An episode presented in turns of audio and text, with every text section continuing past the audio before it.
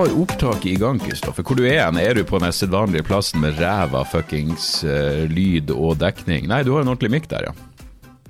Ja, men jeg er på den samme plassen med, med det meste dårlig. Men uh, ja, nei, det er noen ganger så er jeg dårlig på det tekniske. Jeg gjør det som oftest hjemmefra, og det, det er ikke alltid det, det sitter. Det, det skal være den første til å innrømme. det er ekstremt hvor lav terskel man har for ting med en gang antydning til dårlig lyd nå. Selv om det er noe jeg faktisk ville vært interessert i, så skal det være bra spesielt for at jeg gidder å høre noe. Noen som bare har lagt telefonen midt på gulvet mellom to stykker i et rom med hul lyd og ræva akustikk. Ja, det hadde sikkert funket sånn i de første internettdagene. Jeg jeg husker det var en som hadde greid å laste ned eh, hele Jonestown-talen og den oh, ja, ja. durte og gikk. Og det, jeg har aldri hørt på hele, men det, jeg tror det er snakk om flere timer. Jeg tror det er snakk om sånn fire timer der det bare Jim Jones sin stemme som bare går og går og går og går. Og det er mens Ja, du mener når dem ja, det, Mens folk drikker gift og blir skutt? Ja, ja, ja. ja når, når, de fleste har dødd og så bare Han eh, spiller sånne opptak av seg selv, så bare går går går. jeg husker jeg leste, jeg, jeg leste en biografi om Jim Jones som var jævlig interessant, fordi han var eh, han var en paradoksal fyr. Uh, han var jo egentlig ganske sånn uh, progressiv i å liksom ha uh, farga mennesker i forsamlinga si, og, men samtidig så var han litt sånn Hitler-inspirert. Han syntes i hvert fall Hitler var en god taler. men det er jo sånn som folk flest. Man er litt progressiv, og så er man litt Hitler-fan. Det, det, er ikke så lett jo, ja, går, å være prinsipiell. Det går jo an å mene at Hitler var en god taler. Jeg syns jo det er tåpelig å si noe annet. Det er, det, det, men, altså, det er veldig sånn men jo, men ganske sånn uh, Jeg føler han er en sånn taler sånn som jeg var komiker i starten, hvor det bare var sånn sint. Det var bare sint uten noen form for uh, Hei, kom og smile litt, og hei, gi litt inntrykk av at du ikke mener det her 100% nødvendig 100% seriøst hele tida. Ja, men på mange måter var jo du mer populær da. da var du på TV, du hadde masse fans og mange seg bort. det. Uh, nei, jeg, jeg selger mer billetter nå når jeg er blitt så folkelig. Ja, så ja, da, du har blitt rund i kantene, og du har egentlig mistet Veldig mistet kompromiss. ja, nei, nei, det vil jeg ikke si. La meg bare få ut, da. At uh, mitt, mitt, påskudd bakom uh, det at det alltid er hyggelig å se ditt vakre ansikt, er jo at du når ut til et bergenspublikum. Og jeg kommer til Bergen på lørdag. Jeg skal gjøre enda et show på Forum Scene. Og uh, ja, salget har tatt seg opp, men det er fortsatt plenty med billetter igjen. jeg ja, vet ikke hvor mange salen sal tar. Den 900 tar eh, nesten 1000, tror jeg. Altså, det er noe sånt. 800 eller 1000. Eller noe i den duren her. Den er i hvert fall gøy når den er full.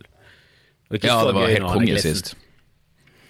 Nei, glissent blir det ikke. Eh, det er noe over halvfullt. Men eh, det, det, ordner seg. Det hadde bare vært gøy. Og, eh, jeg skjønner jo det, det begynner å bli en sånn tid hvor det foregår mye annet, og fuckings juleshow. Og hvis du skal dra inn de folkene som bare møter opp for hei, kanskje det her hadde vært gøy. Jeg mener, De som virkelig liker det du gjør, de har vel kjøpt billetter. men hvis du skal få med noen av de gemene folkene i gata, så er det her begynner å bli mye konkurranse.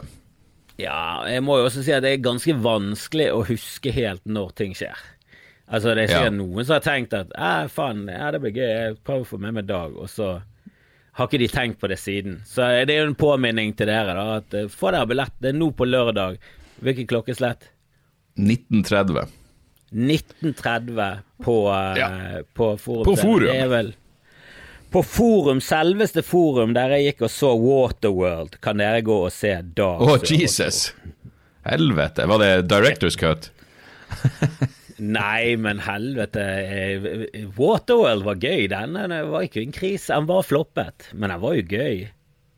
Ja, det er jo plenty med filmer som, som, som liksom flopper billettsalgsmessig, men som er fantastisk, uten at jeg kommer på noen i, i farta. Men uh, jeg vet ikke engang om jeg noen gang så den. Jeg husker at det var der dama som var ganske deilig. Som, var ikke hun som spilte i Basic Instinct, ikke Sharon Stone, men noen andre der. Hun som ble voldtatt av eh, Michael ja. Douglas, som, som, forteller hvor listen lå i gamle dager på uh, Ja, det var voldtekt! Jeg husker at jeg runka ut i den scenen også. I, ganske så hot uh, voldtekt, altså. Og den ble jo selvfølgelig bare presentert som, uh, som en Jo jo, men han tok jo bare det han uh, fortjente. Ja, ja, absolutt. Han, han bøyde jo bare over en sofa i, i Doggy mens hun sa nei, og så pulte han henne. Og det er ikke, ja, stemmer, det er ikke, ikke 90-tallsvoldtekt. Det er kanskje voldtekt nå, men på 90-tallet var det der hot. jeg tror jeg runka til den da jeg gikk lei når jeg gikk lei alle de uh, Sharon Stone-scenene. Var det datidens uh, alternativ til sånn BDSM-porno? Litt for drøy porno? Som litt Ja, det var kanskje det. Jeg kan ikke engang huske. Jeg, jeg husker scenen, jeg ser den for meg, men jeg kan, jeg, jeg kan, ikke huske at jeg reagerte negativt. Men jeg, husker jo når jeg så sånne klassiske rape revenge-greier, Last House on the Left eller I Spit on Your Grave og alt det der. Eh, eller nei, Base Moi, husker du den? Uh, så husker jeg jo at det, det, her, det her er forstyrrende. Uh, liksom det, her er, det, her er, det her er ikke greit, det her er fuckings voldtekt. Men jeg kan ikke huske at jeg tenkte det i den Michael Douglas-greia. Det kan jo være. Kanskje det er derfor folk er sånn Han kan jo ikke ha voldtatt, han er jo en god kompis. Jeg så på Michael Douglas som en god venn. Jeg, jeg, ja da, han liksom, var jo helt i den filmen, da. Han var helt mm, i den filmen. Han var det. Og, det, og det var, han, hadde jo, han hadde jo vært på dealeren med hun damen før, da. Det var jo bare det at hun sa nei akkurat der. Da er det jo greit. Det, det var vel en sånn eh, slags Jo da, men eh, du vet jo at damer har en sånn voldtekt Kom igjen. Det var ja, litt å kom igjen. igjen. Det er såpass må være lov. det, for, det, har forandret seg til det bedre, vil jeg si. da. Ja da, i høyeste grad. Jeg husker, jeg husker, at Bill Hicks hadde en bit om Basic Instinct, om hvor jævlig den filmen var. Ja, at han syntes den sugde. Men da var det noe greier om at og det hadde ikke jeg hørt om før. Jeg husker første gangen jeg hørte om det der, du vet sånn eh, testpublikum, at de tar inn folk og så forandrer de filmen etter tilbakemeldinger fra publikum. Ja. Det var eh, Final, Final Destination. For jeg var såpass filmnerd at jeg så på alt ekstramaterialet på DVD-ene, og da var det en, eh, en sånn minidokumentar om de testpublikummene som kom inn, og hvilke endringer de ville ha. Men uansett, Bill Hicks sin vits var jo at Uh, de hadde fjerna flere lesbiske sexscener fra Basic Instinct fordi publikum var turned off by dem. Og da var han sånn, Jeg har virkelig ikke min finger på pulsen til Amerika. Men da var det sånn at det bare var en Han kalte det vel en ræva Hva det heter den serien? Streets of San Francisco, eller et eller annet sånt. Det var, det var, en ræva, ja. det var som en ræva episode av den serien. Uh, jeg, men jeg husker at jeg digga ja, Det var jo der Michael Douglas uh, spilte hovedrollen. Han var jo TV-skuespiller. Oh, ja. Ah, det var jo nesten ingen TV-skuespillere som klarte overgangen fra TV til, eh, til, film, og Michael Douglas var jo en av de første som klarte det med bravur. Han gikk liksom ja. fra det, det, ja, det, The Streets of San Francisco, tror han het. Det er den som eh, Police Squad, som senere ble til mann med nakepistol. Det er jo en parodi på den serien, deriblant. Altså mange andre, men også den. Å, oh, ja ja, ok. Fuck. Vet du, jeg så akkurat en, jeg så akkurat en YouTube-video av en fyr som var uh, Skal vi se, han er født på 90, tidlig 90-tallet, som hadde sittet og sett igjennom alle uh, Police Academy-filmene. Fordi han hadde liksom ikke fått med seg selvfølgelig, når det skjedde. Han var for ung til å ha opplevd storhetstida, og var egentlig ganske forbløffa over at det her hadde blitt en sånn jævla suksess.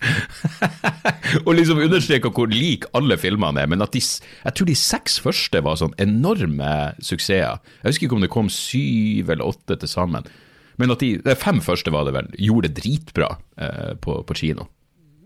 Jeg tror i hvert fall de tre første var helt ville suksesser. Og så tror jeg også det gikk bra frem til Eller jeg tror de holdt liksom standarden frem til fem, og så bare var det et stup ned til seks og syv. Da var det sånn Begynte å eh, bytte ut skuespillerne, og det var veldig Steve Gutenberg var plutselig ikke med?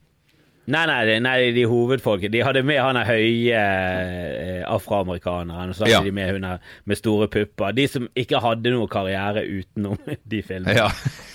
og så husker jeg ikke at hun, den, eh, hun, eh, hun lille uh, mørke med den pipestemmen, at hun sa det samme ja. i hver film. Hun hadde en sånn catchphrase som gikk igjen.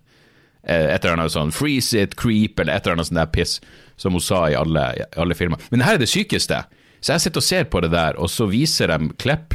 Og så er det sånn Fuck, er det der Sharon Stone? Helvete, hun var hot. Ja. Uh, vi, er, ja, vi, vi, drar jo det her i land til Basic Instinct, men plutselig så er det ei anna dame som han sier navnet, og der er tydeligvis kjent, og jeg bare helvete, og der husker jeg ikke, hun var faen meg hot. Så jeg begynner å google, da er det faen meg den uh, MILF-sløtta fra Sex and the City. Hun den uh, mest mest Cattrall, jo, det er så virkelig puler rundt. Skamløs. Ja, hun, den eneste bra karakteren. Ja, ok, ja. Hun var tydeligvis med i en eller annen ja, Politiskolen-film, og uh, helvete på 80-tallet. Ja da, hun er med i Jeg lurer på om hun er med i uh, Teen Wolf òg. Oh, jeg lurer på om du får se puppene hennes. Det var jo også en annen ting med 80-tallets ungdomsfilmer. Der var jo det tits. Okay. Altså, det jeg går inn nå. Det var så mye tits. Det er altfor lite tidssnø! nå! Jeg går rett inn på den Just Watch og ser hvor Teen Wolf ligger. Hvilken streaming-service har Teen Wolf? jeg tror klart, i hvert fall er. Teen Wolf, men eh, jeg, jeg, er ikke 100 på det. Men det er en eller annen film Kim Cattrell er med i, som er en sånn film som alle har sett, og som ingen husker at det var hun. Kanadisk, Visste du at de gjorde en ny Visste du at de ikke bare har en nyinnspilling av Teen Wolf fra 2023, men også en serie som har seks sesonger? Jeg tror jeg får fått meg litt sånn eh, bak i, i, rekken her at eh, de har laget en serie, ja. Eh, jeg, jeg Men det var Michael Jeg visste det var Michael J. Fox? Ja da, det var han som ja. spilte i originalen. Og så spilte Jason Bateman, han fra Ozark og Rest of the World. Ja, ja. Han spilte i toeren. Helvete. Fy faen, var det noen pulescene når han er den der varulven? Jeg, jeg, husker faen ikke den filmen.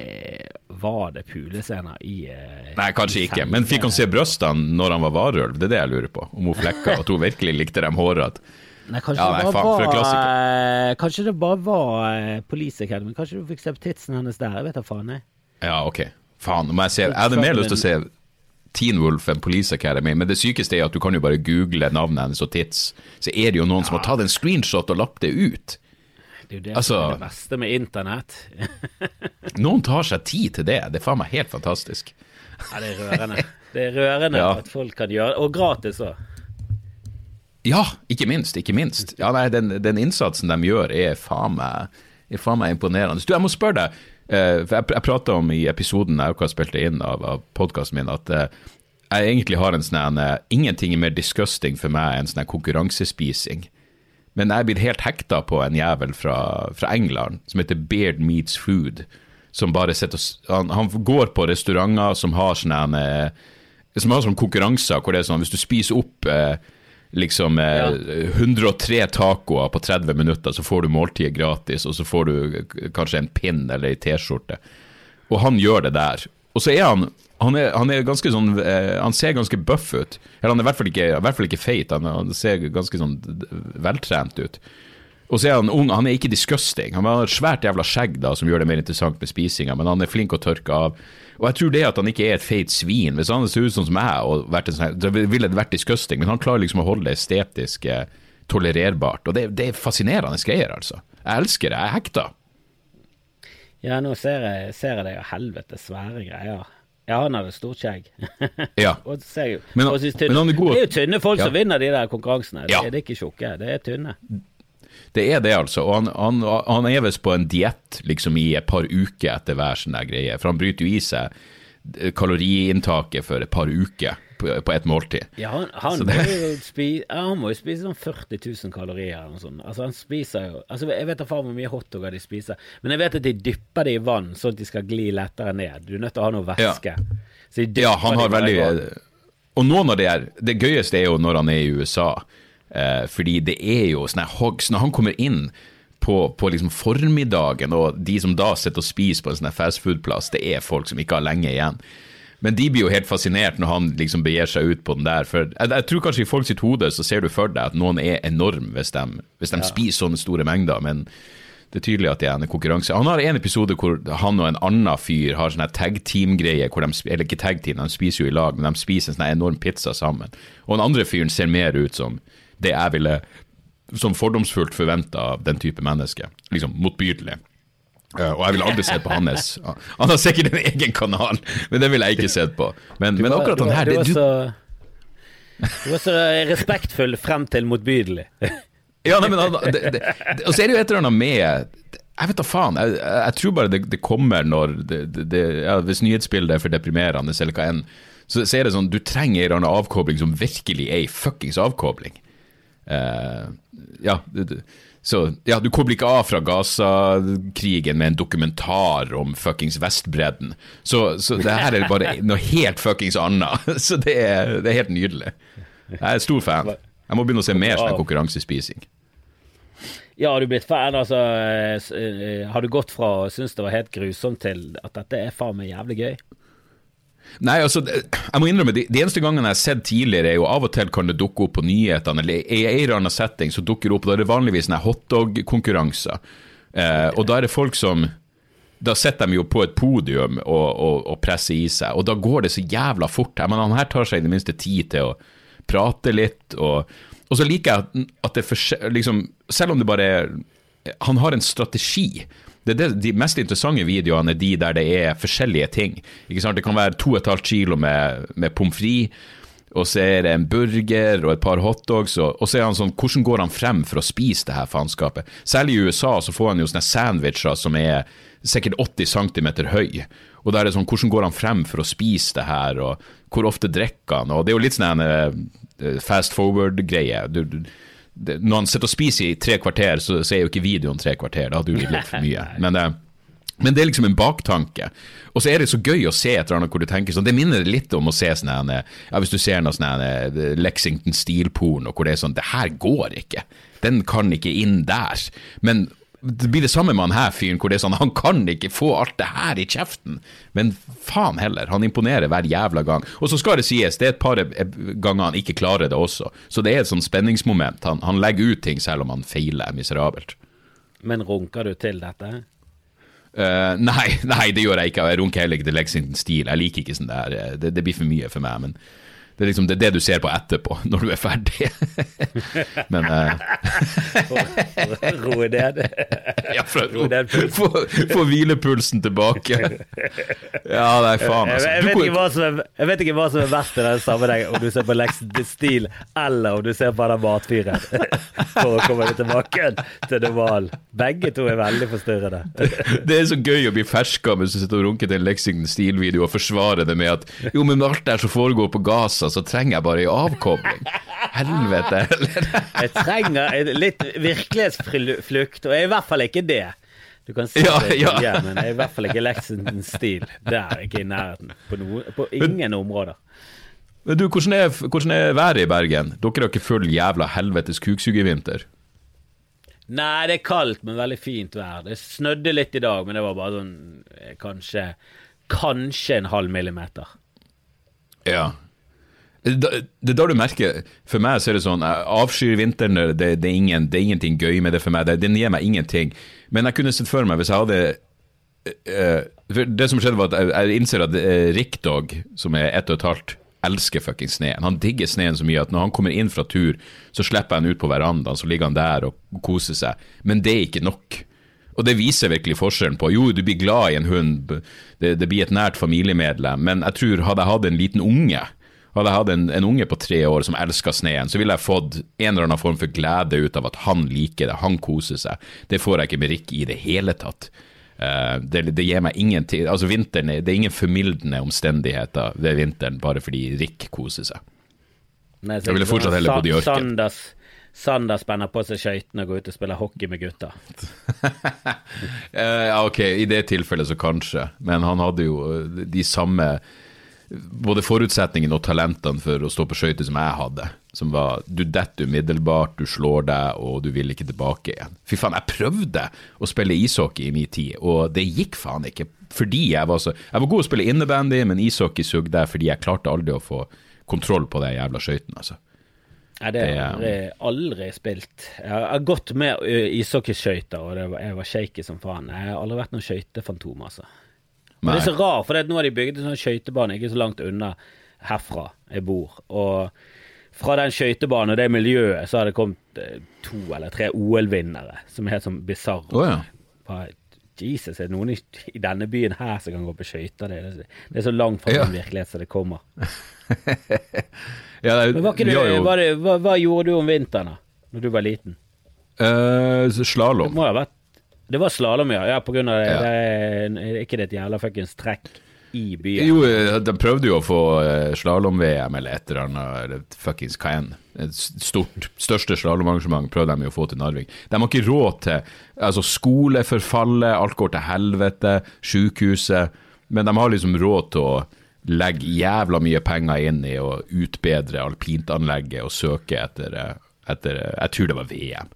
Eller, Ja, det, det, det, er fortsatt sånn skilt. Velkommen til ski-VM-byen Narvik. Nei, dere fikk ikke Men det er viktig å sette Narvik på kartet. ja da, absolutt. Absolutt. Det genererer så jævlig mye for folk flest.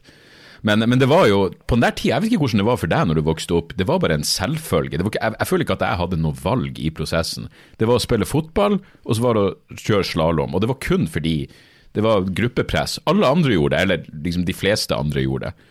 De som ikke gjorde det, var jo sånne folk som spilte gitar og eh, ja, Det er jo ikke sånne folk du har lyst til å henge med. Folk som har artistiske impulser og tenker selvstendig. De, de unngikk jeg jo for enhver jævla pris. De, så det var det oppi den jævla slalåmbakken.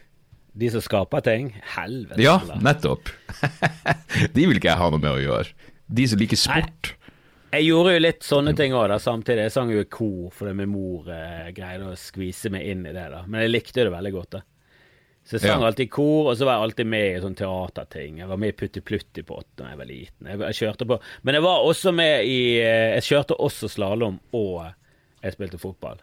Og fotball var jo jeg, jeg, jeg, prøvde faktisk å tenke på det, for min sønn spiller fotball nå. Og så begynte jeg å tenke ja. sånn Når var det jeg begynte å spille fotball, og hvorfor? Og Jeg kom liksom ikke på noe sånn klart minne om at jeg tok en avgjørelse om å spille fotball. At du ble introdusert før fotball, liksom? Nei. Nei, ja, fotball ble introdusert for tidligere, for jeg husker Min far var brannlege, så jeg ble introdusert gjennom Brann, som fotball kjente til. Men hvorfor jeg begynte å spille på et lag og liksom det, jeg tror det bare var helt naturlig. Du begynte på skolen, og så begynte du på fotball. Da begynte folk på fotball.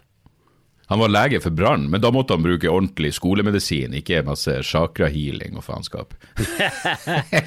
ja. Ja. han er jo skolemedisin, og så har han idrettsmedisin. Han har spesialisert seg. Men han har også tatt noen sånne oh, ja, greier. Ja, ok, var, ja, for det var et eller annet der. Jeg husker at jeg gikk forbi noe Jeg gikk forbi en klinikk han hadde, et eller annet faenskap. Ja, ja noe... han, ha, han, hadde en klinikk, og så holdt han på med noe For du, du var sikkert du, du, hadde sikkert krasjet hos JTK eller noe sånt, for det var litt Stemmer. JTK-landskapet. Yes. Uh, ja, han hadde noen sånne nåler, det har han satt på meg òg. Jeg syns det funker, men min onkel er mer sånn Ja, det funker hvis du tror på det. ja. Altså men, akupunktur, uh, eller noe annet? Versjon? Nei, noe som heter IMP, tror jeg det heter. Intramuskulær, bla, bla, bla. Det er noe sånn du okay. setter det Men det, det, minner veldig om akupunktur, da. Men det er sånn at uh, hvis du treffer et område som er betent og sånn, så gjør det jævlig vondt. Og hvis ikke du gjør det, så kjenner du ingenting. Så det er liksom ja. der det gjør vondt. Der står nålen i en stund, og så trekker du den ut. Og han sitter fast til du klarer å trekke den ut. Det er noe greier. Men ja, okay. eh, jeg har bare valgt altså det, Jeg husker jeg hørte på eh, Gunnar Tjomli, din kompis. Og, Var han skeptisk? Nei, men han skrev et eller annet om eh, at akupunktur funker ikke så fremst du ikke tror på det.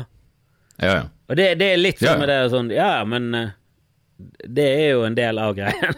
At, at, at, det er sånn at det kan kurere kreft, det er vel hevet over enhver tvil at det ikke kan. Men, men ja, hvis det hjelper noen eh, med stresset sitt, så er det sånn, ja, men jeg prøvde å ikke snakke høyt om dette, Gunnar. Bare la det, bare la det jeg, prøvde å skrive en, jeg prøvde å skrive en vits om det. Jeg tror fortsatt det er et premiss som kan bli noe. Og det var igjen, det var vel, jeg lurer på om det var Gunnar som hadde uttalt seg, men det var et eller annet om cannabis mot smerte. Og så er det sånn ja, nei, men De bare innbiller seg Jeg vet ikke om det her var Gunnar sine ord, men det var i hvert fall noen som sa noe sånt som at eh, de innbiller seg bare at de ikke føler smerte når de har røyka cannabis. Og da er det sånn, Men da funker det jo. Smerte er jo innbilning på et eller annet nivå. Smerte er jo en mental greie. Hvis du røyker ja, ja, og føler de, ikke men de smerte har det bare bedre, De har det bare bedre når de har ja. De takler smerten på en annen måte. Sånn, ja, ja, ja, ja. Det, det, er jo, er derfor jeg tar meg en whisky hvis jeg har vondt en plass. Jeg vet da faen. Jo, liksom... jeg, jeg, vet at vi kan gi de opiater sånn at de faktisk ikke kjenner smerten i det hele tatt, og, og ikke kjenner i det hele tatt at de har vondt i et område på lang, lang tid. Men ikke det, det mm. som er litt av vitsen med smerte, er at du skal kjenne det. Og jeg vet det at hvis du har kronisk smerte og sånn, så er det helt jævlig. Men da er jo mm. cannabis et sånn ypperlig middel til å få hverdagen til å bli bedre. Da. At du får mer matlyst, at du har mer lyst til ja. å leve at du ikke kjenner på den smerten hele tiden, selv om det kanskje er placebo at du har mindre smerte. Så er det sånn Ja, men det er jo fortsatt ja, ja. opplevelse av mindre smerte.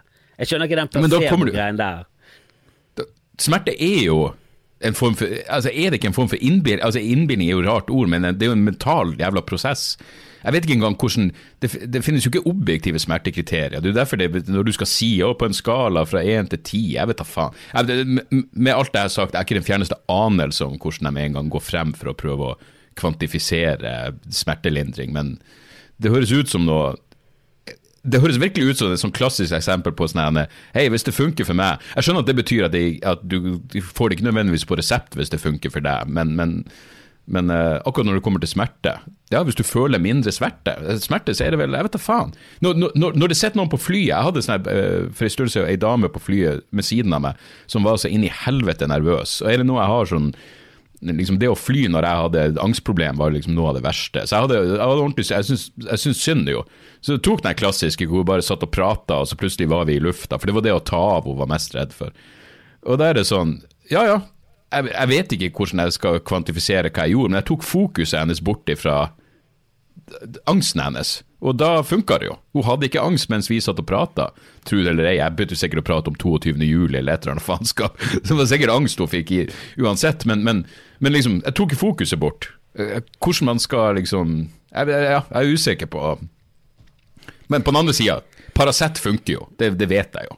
Eh, det har jeg jo Ja, men jeg, jeg aner ikke. Jeg har aldri, aldri Nei, det... brukt cannabis mot smerte, så jeg vet ikke helt hvordan det skulle fungert. Jeg vet ikke om Nei, det ville funka for meg. Eh, det er vel vanskelig å utføre skikkelige um, undersøkelser på det òg, for hvis det er ren cannabis Altså Én ting er hvis det er THC i mindre doser, men hvis det er cannabis, mm. så er det vanskelig å gi placebo.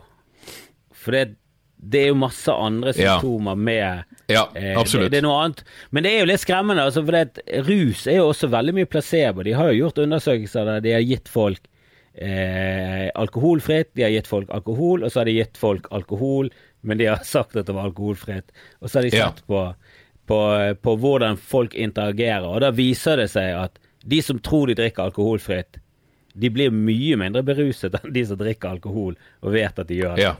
Altså det er masse syke. Altså hele mennesket, alt vi holder på med, det er jo 90% syke hele tiden. Alt er jo oppi hodet vårt. Resten er jo bare kjøtt. Ja, jeg tror det jeg tror det er derfor, liksom, eh, når jeg har eh, de, de, få gangene jeg gjør et show uten å ha, å ha noe eh, alkohol i glasset, så, så, tar jeg jo med meg et glass med noe annet. Og da blir det jo nesten som en sånn Jeg tror nesten du får en slags placebo. At hei, nå føler jeg meg løsere, og du glemmer av at det er 7 Up uten noe ekstra i koppen din. Så, så får du en sånn hey, whatever.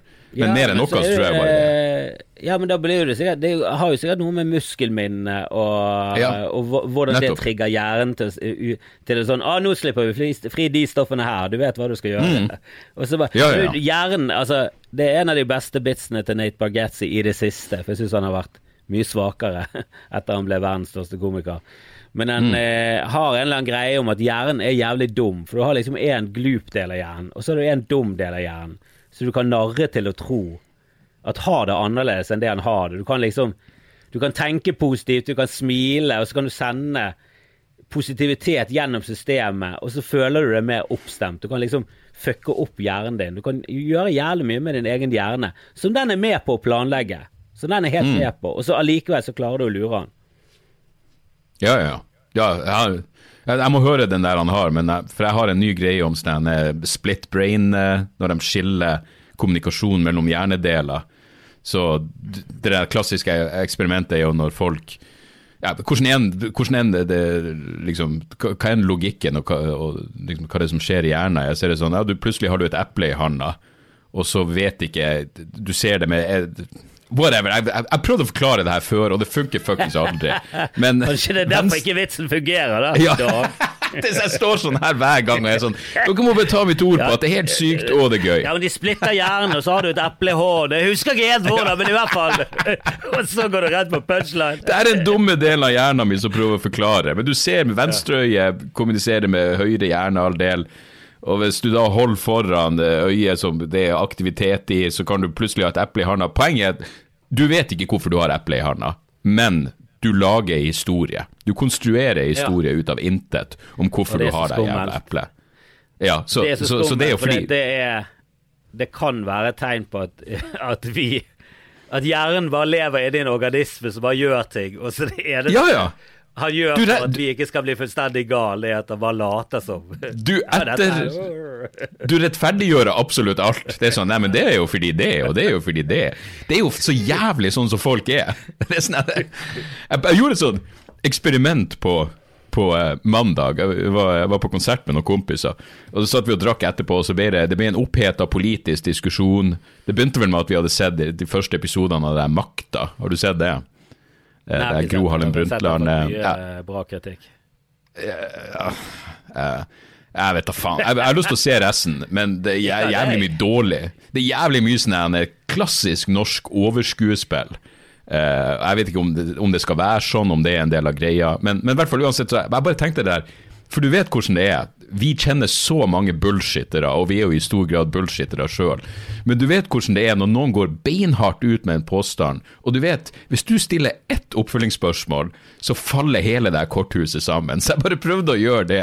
Jeg husker Gråbein begynte med et eller annet, hva som var galt med Norge. Det var et, det, Rundt bordet begynte alle å være enige om at det var noe fundamentalt galt med Norge. Og jeg bare prøvde å spørre sånn, hva er det egentlig problemet? Hva er det, hva er det dere har lyst til å ordne opp i? Og så gir de ut noen påstander, og så er det bare ett oppfølgingsspørsmål. Og, jeg, og Gråbyen var i det minste ærlig nok til å være sånn, jeg vet da faen hva jeg snakker om, jeg er ikke peiling. Det bare hørtes rett ut. Og det skjedde flere ganger. Og det er så jævlig. Eh, og Det er derfor man er livredd for oppfølgingsspørsmål sjøl. Ja, ja, men det er jo en av, eh, det er jo en av privilegiene med å stå på en scene, er jo at du kan påstå ekstremt mye drøye ting, og så trenger ja, ja. du ikke ta ansvar for det i det hele tatt. Så lenge du klarer å få folk til å le, så er det liksom bare rettferdiggjort i seg selv. Men hvis, det, det der det virker sånn, det husker jeg faktisk er Uh, fuckings Bill Hicks igjen. Det, det, er en sånn, jeg, jeg har det på VHS. Det var, det var, et opptak av Bill Hicks var med på sånn hva det heter, sånn Public Access TV, sikkert en sånn obskur TV-kanal i Austin. Og så blir han intervjua i tre timer, uh, og, og, liksom intervjuet handler om alt sånn det, det, er sånn det fuckings Ja, det var tidlig podkast her. Og så uansett så poenget er at um, han, han, snakker om alt mellom himmel og jord, og det er samfunnskritikk og alt det der. Og så er det sånn innringerdel. Og da er det en fyr som ringer inn og spør Det her er jo i Black Hawk Down-tida, 93, tror jeg. Så han ringer inn og spør hvorfor eh, det amerikanske styrket i Somalia og det er så åpenbart at Bill Hicks har ikke den fjerneste fuckings anelse om at USA er i Somalia. Så da sier han hei, det her er ikke akkurat et sånn why did the chicken cross the road-spørsmål. Du vet at jeg er komiker. Det er sånn, Du har jo sittet i to timer og pratet om alt som er galt med amerikansk utenrikspolitikk og narkotikareform og bla, bla, bla, og så plutselig å ja, Somalia, der går grensa for din ekspertise. Men han kunne i minste sagt at du, det her har ikke jeg fått med meg. I tillegg så må han insinuere at det er latterlig å, å stille stille en komiker et sånt spørsmål. Ja. Han om ja, USA sin utenrikspolitikk. Ja, du prater om Irak i tre kvarter, din kuk! Vi skal bare litt uh, Hvor faen blir det? Blir det vestover? Halve, halve showet er aggresjon til USA. Ja, imperialisme. nei, der. Der vet jeg ikke, men han klarte å hive ut. Vi sprer demokrati uh, til point of a gun. Ja, ja. Du, du gikk for et, et, et safe svar der. Bill. Ja. det, Men hvordan går det med deg ellers? Hvor, hvor du er i prosessen med Du er vel å skrive ny, ny skitt og sånn? Ja, men jeg har kommet veldig kort. Herregud, det er ikke mye bra. Men jeg har et par Har ikke du hatt testshow? Nei, det er ikke testshow. Nei, nei, nei. Tester, oh, ja. altså, tester nytt stoff. Ja. Jeg synes det, altså i, i motsetning til Oslo, sånn, så der har du kvelder der du kan stå tre-fire steder. Og du, kan, og du kan stå jevnlig, du kan stå ganske mye. Men eh, jeg syns ofte det er greit å bare sånn Jeg vil heller bare stå i en time. Og eh, ja. eh, Kanskje sammen med Jan Tore, det har jeg gjort en gang, og Jonny. Og så denne gangen tok jeg med meg Pål og en som heter Katrine. Men bare sånn eh, Vi står et par stykker, så bare tester vi ut lengre chunks. Jeg har noen tanker, ja. jeg har noen ideer. Så jeg har noe greier, men det ja, faen jeg, Ja, det blir litt sånn Det er ikke sånn imposter syndrome, eh, men jeg syns det er jævla tungt å begynne på ny, også. Det er jævla Ja. Det Ja. ja. Det, er, det er ikke sånn at jeg føler at alt er sagt, og at alle ideer er tatt. Det er bare sånn, det, Jeg syns det er vanskelig å få gode ideer som er sånn ah, Som er sånn ah, Jævla fett at jeg har fått denne mm. gode ideen. Jeg synes mange ideer, Men du får dem. Jeg, jeg elsker de når jeg kommer på de, og så går det sånn to dager, og så ser jeg på de igjen, og så er det sånn mm. Ja, Mitt problem er bare å finne Jeg sto på Njø på fredag, bare for å Og da er sånn Da får jeg virkelig en sånn det her er bare ting som Hvis jeg står og prater om Lukas Bråten, hvor, hvor lang jævla eh, hvor lang levetid har det her jævla materialet? Eh, liksom det, det, blir sånn, det er nesten meningsløst å gå opp i en, i en sånn setting og, og gjøre noen sånn dagsaktuelle ting. Eh, men jeg, jeg skal, ja, så da, da, må det heller være at du kommer på noen ideer som du vet at det her er noe personlig eller et eller annet som faktisk har Ja, det er klart. Israel-Palestina går vel ikke De skal vel ikke noen vei eh, med det første, som Nei, ikke er i negativ noe, retning. Eh, jeg har noen takes der som jeg håper eh, håper kan funke. Og den Ja, nei, jeg tror den konflikten heldigvis holder seg eh, fersk eh, til vi dør. Jeg ser liksom ingen ja. utvei. I hvert fall ikke altså, jeg så en ja, ikke, ikke sånn som det er nå, det kommer til å ta lang tid. Helvete. I hvert fall etter den siste. Når, når, man, snakker om folk som, som liksom, når du, Hvis du tenker sånn Hva folk kan gå på Altså Hvis du, hvis du ikke har noe peiling, men det, du, hvis du ser Dagsrevyen, eller et eller annet Du gjør liksom et sånn grunnleggende forsøk på å henge med. Men jeg så at en av de uh, disinformation-kampanjene som, som driver og sprer seg på nettet, er at Ukraina selger våpen til Hamas. Og det er sånn hvor, Hvilken planet lever du på hvis du tror at Ukraina har våpen til overs som de gir til Hamas? Jeg mener, det er så jævla dumt!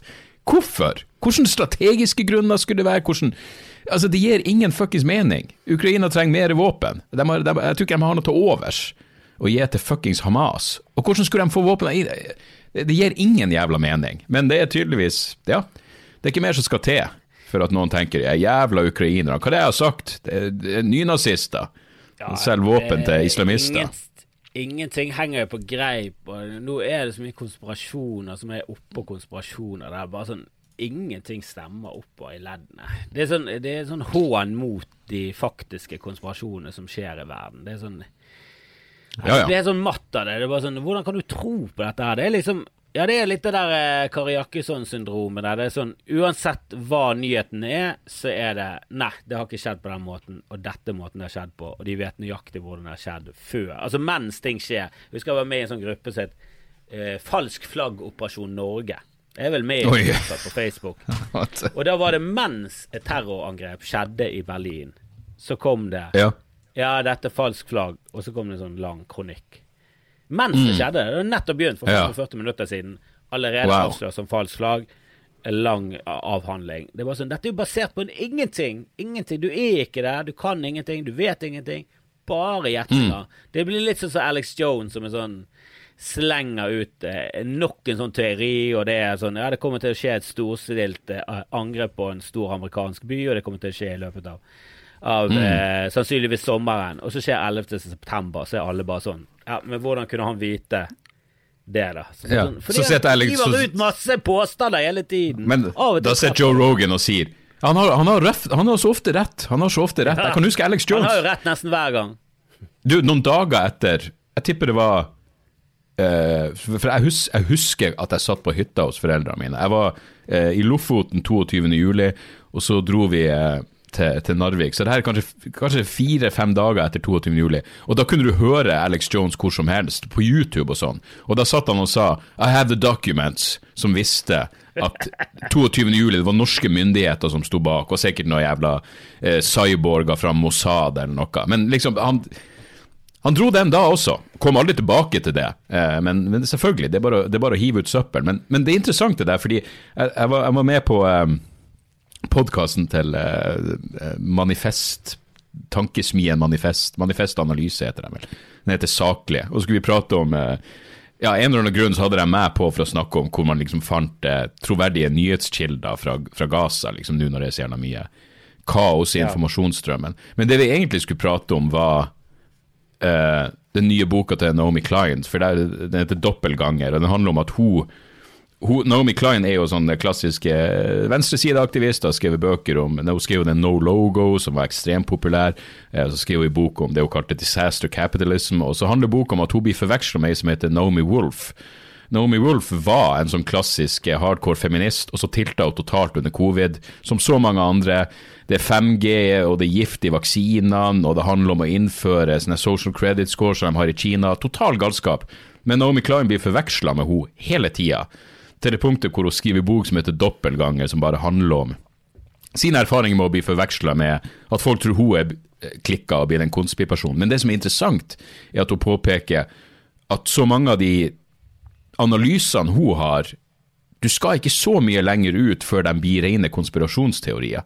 Så liksom, Naomi Klein kan si at ja, det er et problem med tekstselskapene og overvåkningskapitalisme, og de suger opp dataene våre for å og så har du Naomi Klein som da Nei, Naomi Wolf, nå gjør jo jeg feil. Som da tilter totalt og mener at nei, men eh, eh hvordan enn sånne eh, tracking-apper de har for, eh, for, covid, det handler om å gjøre USA om til Kina. Så det er sånn, Du tar de samme impulsene og tankene, og så går du bare altfor langt med dem. Og det tenkte jeg på nå med, med, med, med, det som foregår på Gaza. Jeg hørte en fyr som heter Scott Horton, som er, har en, en podkast.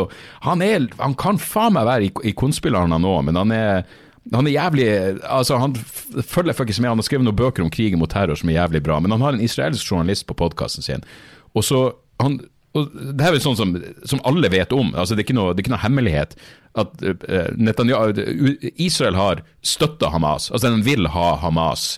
Uh, de syns Hamas er, er, lettere å forholde seg til enn Fatah, fordi de er så fanatiske og jævlige, og da er det mye lettere å si Altså Det er jo en klassisk strategi. Du fostrer frem de mest radikale elementene i fienden din.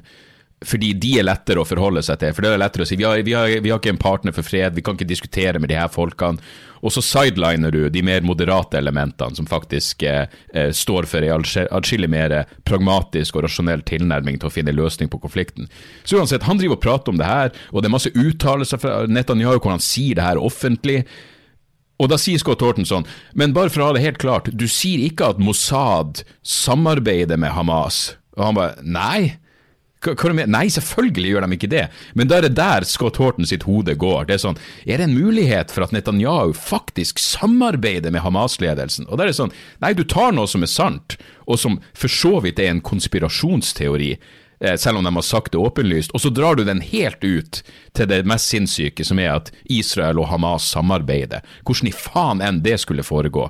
Men, men, men liksom, eh, du, tar, du, har de rette impulsene, rette analysen, men hvis du, bare, hvis du bare går litt lengre, ser du plutselig ut i galskapsland. Og jeg skjønner at det ja, Ikke det at jeg vet hvor nødvendigvis grensa går, men du skjønner at du fort kan skeie helt ut. Du kan få en sånn Ja, ah, men hvis det her er sant, da er det faen ikke usannsynlig at det her også er sant. Og så finnes det ingen bevis for den nye slutninga du har dratt, som faktisk er fuckings feberfantasier.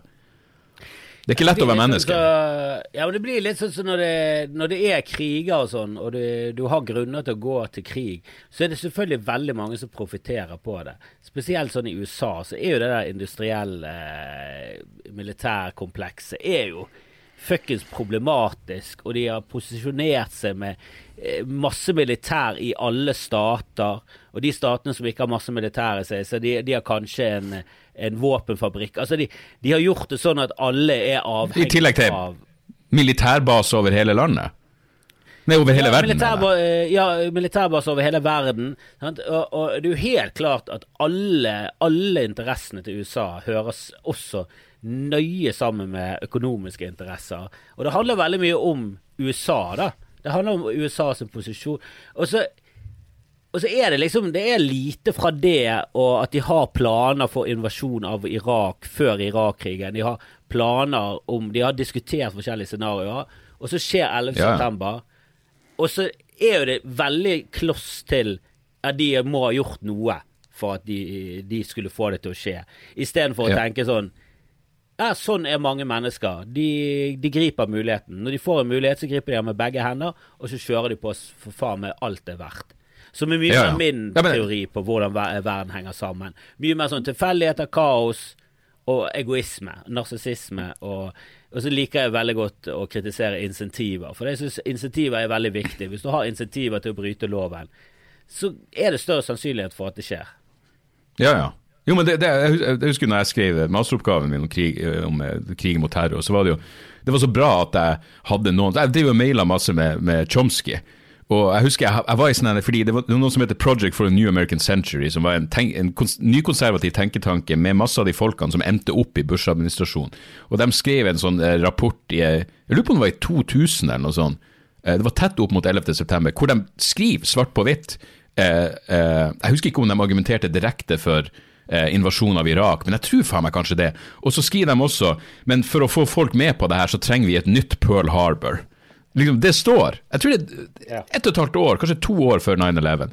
Og da tenker du jo sånn Ok, så Paul Wolfowitz, som var en av de sterkeste pådriverne for Irak-krigen, han var med på å skrive denne rapporten. Og Da husker jeg maila Chomsky og var sånn Er ikke det her jævla mistenkelig? Han var sånn Jo, jo, men det her betyr jo ikke at du kan ikke dra slutninga at derfor sto de bak 11.9. Nei, de utnytta den muligheten de fikk 11.9. Eh, på, på et sykt nivå Det er ikke sikkert de var lei seg. På et sånn institusjonelt nivå så var de sikkert glad for 11.9. i den forstand. De så i hvert fall umiddelbart mulighetene.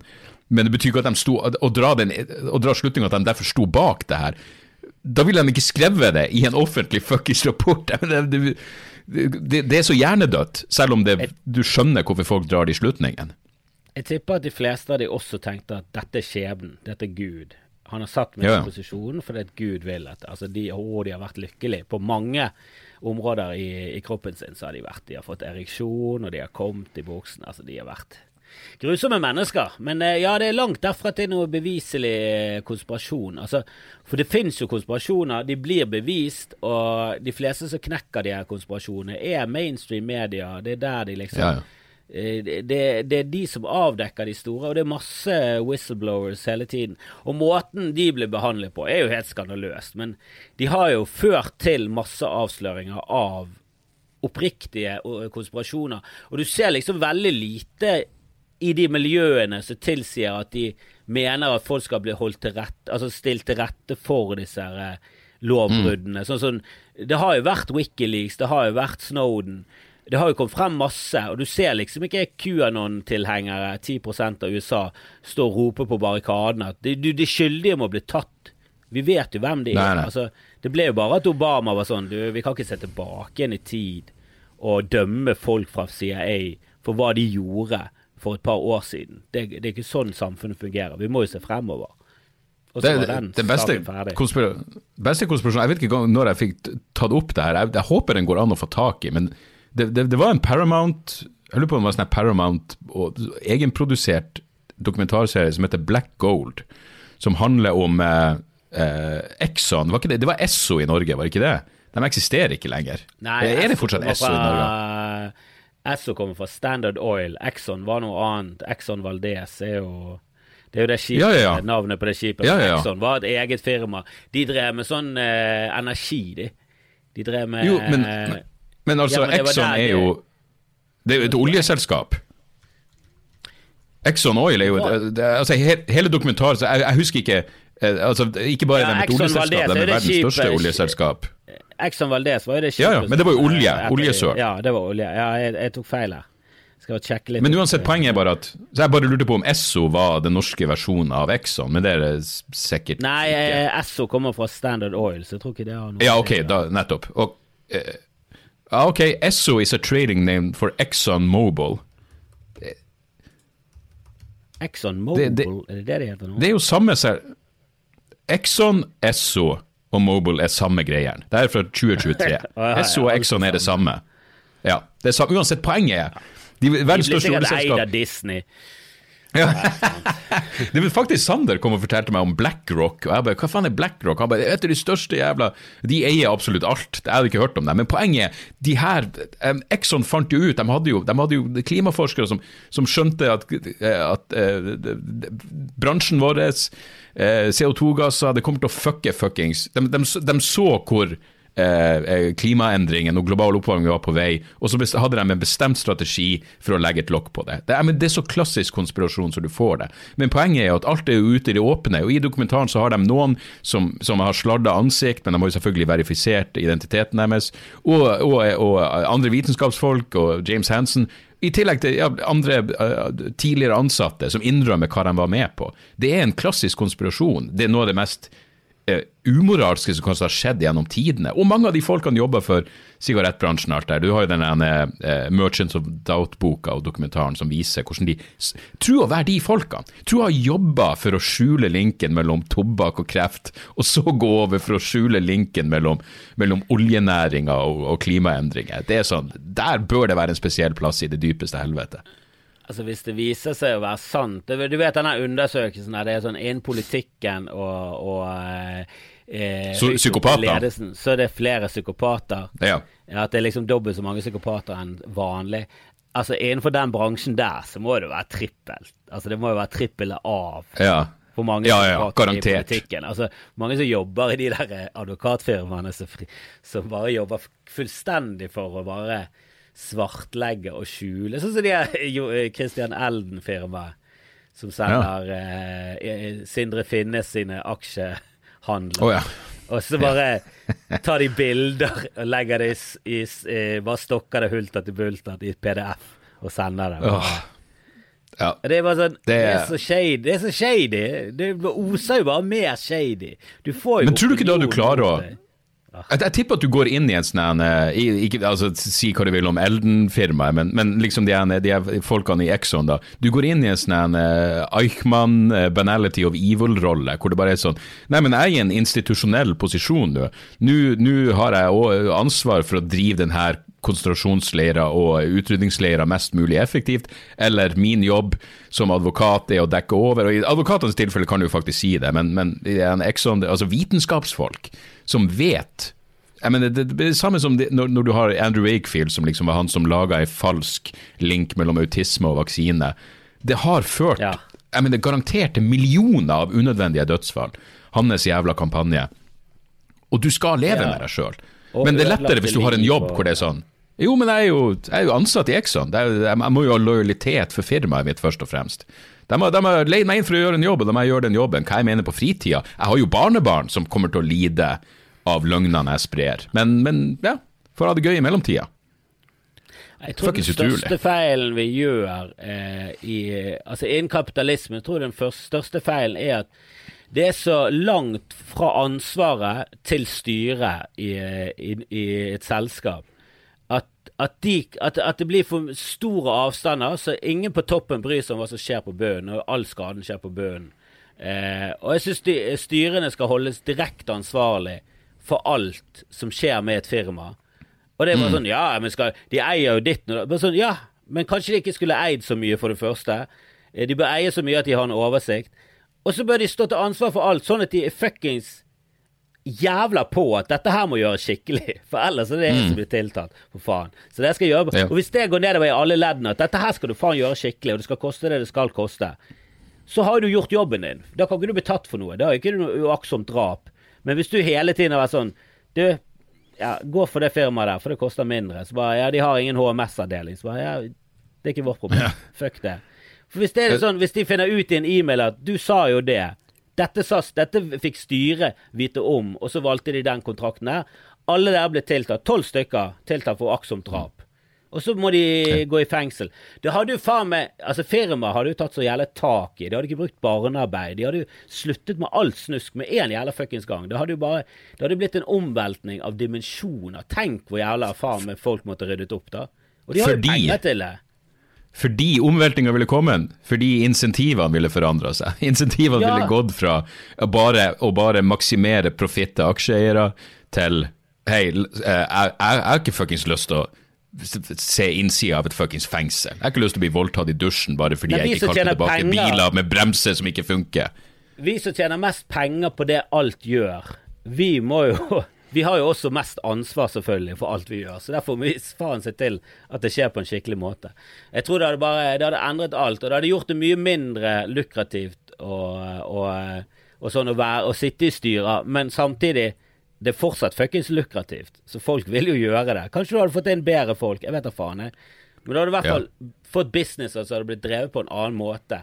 Og om det er realistisk å få det der til i det hele tatt, det er jo sånn Ja, jeg vet da faen. Men det er i hvert fall noe sånt som må til. For det, sånn som det kapitalistiske systemet er laget nå, så er det jævla pyramidespill. Og det sitter en sånn her overklasse og skummer, skummer så jævlig til seg. De, de har så jævla fortrinn til oss andre at det er helt sinnssykt. Det, det, det, da du begynner å snakke om den ene prosenten av én prosent, altså en promille av Som har ja, en, en sånn... velstand og en innflytelse og makt som faen meg er vanskelig å, å, forestille seg. Men dette her er ikke sånn konspirasjon, det er jo bare til å se på en fuckings graf. Det er bare sånn Jo, men det blir større skilnad. Middelklassen blir mindre og mindre, og fattigdommen, greit nok, den blir mindre og mindre òg, det er positivt. Men det blir liksom ja, en jævla Det er en jævla underklasse, og så er det en enormt liten elite. Som eier så absurd jævla tullete mye. Jeg, jeg, jeg, tror det kalles uh, the investment theory of politics. Jeg tror det, det er en fyr som heter Thomas Ferguson. Han har liksom Han har kartlagt, bokstavelig talt, hvordan du, du når en, et, et, nivå av velstand, og da får du Altså i det, i det politiske, i det demokratiske systemet, i anførselstegn. Hvis du når et nivå av velstand, så får du det sånn som du vil. Og hvis du er under et visst nivå, så er din stemme 100% irrelevant. Og Det høres banalt ut, men det er bare et empirisk faktum. Sånn er det. Så det burde forandres. Du, Kristoffer, jeg er nødt til å stikke. Jeg skal på premierer til Julelatter, og jeg gleder meg som et fuckings spedbarn. Det kommer til å bli så jævlig bra. du får hilse iallfall Jan Rune. June kommune in the house! June kommune in the house, det blir gøy. Nei, men det hils ja, de hils kjente og kos deg. Jeg har sagt nei takk Det skal jeg gjøre. Bergen på lørdag, 4. november. Forum for helvete. Det er et jævlig fett show. Men så skal jeg si det sjøl. Er du i byen, du må komme innom og ta i øl, din kuk. Du har vel skitt å gjøre. Jeg tror ikke jeg er i byen da, og det har vært Nei. så jævlig mye i det siste. Men vi får se. Jeg Kanskje jeg får med meg madammen på de greiene. Ja, vi var okay, ute på en uh, fuckings uh, date her for uh, en stund siden, og det var jo helt nydelig. Det er så lenge siden. Ja, det er faen meg viktig. Det er viktig å få til. Nei, men bra å prate med deg. Vi, vi høres ja. snart, Kristoffer. Og folkens, der, ja, du kan bare gå, du. Så prøv ja. å oppfordre folk til å komme. Vi snakkes, Dag. Hei. Ja, hei. Ja, og folkens, eh, det er bare til å stikke fuckings kjøpe billetter til eh, Dag på Forum Scene. Det er jo ikke noe å tenke på engang. Han er jo ja, han er jo en av de beste eh, vi har. Eh, nålevende komikerne, og definitivt eh, den beste hvis du tar med de døde. For det er, ingen, det er ikke sånn at Per Spook og Leif Juster pisser på Dag. Eh, det er ikke jeg en proponent for. Eh, mer på at ja, kanskje Daniel Simonsen er enda mer unik.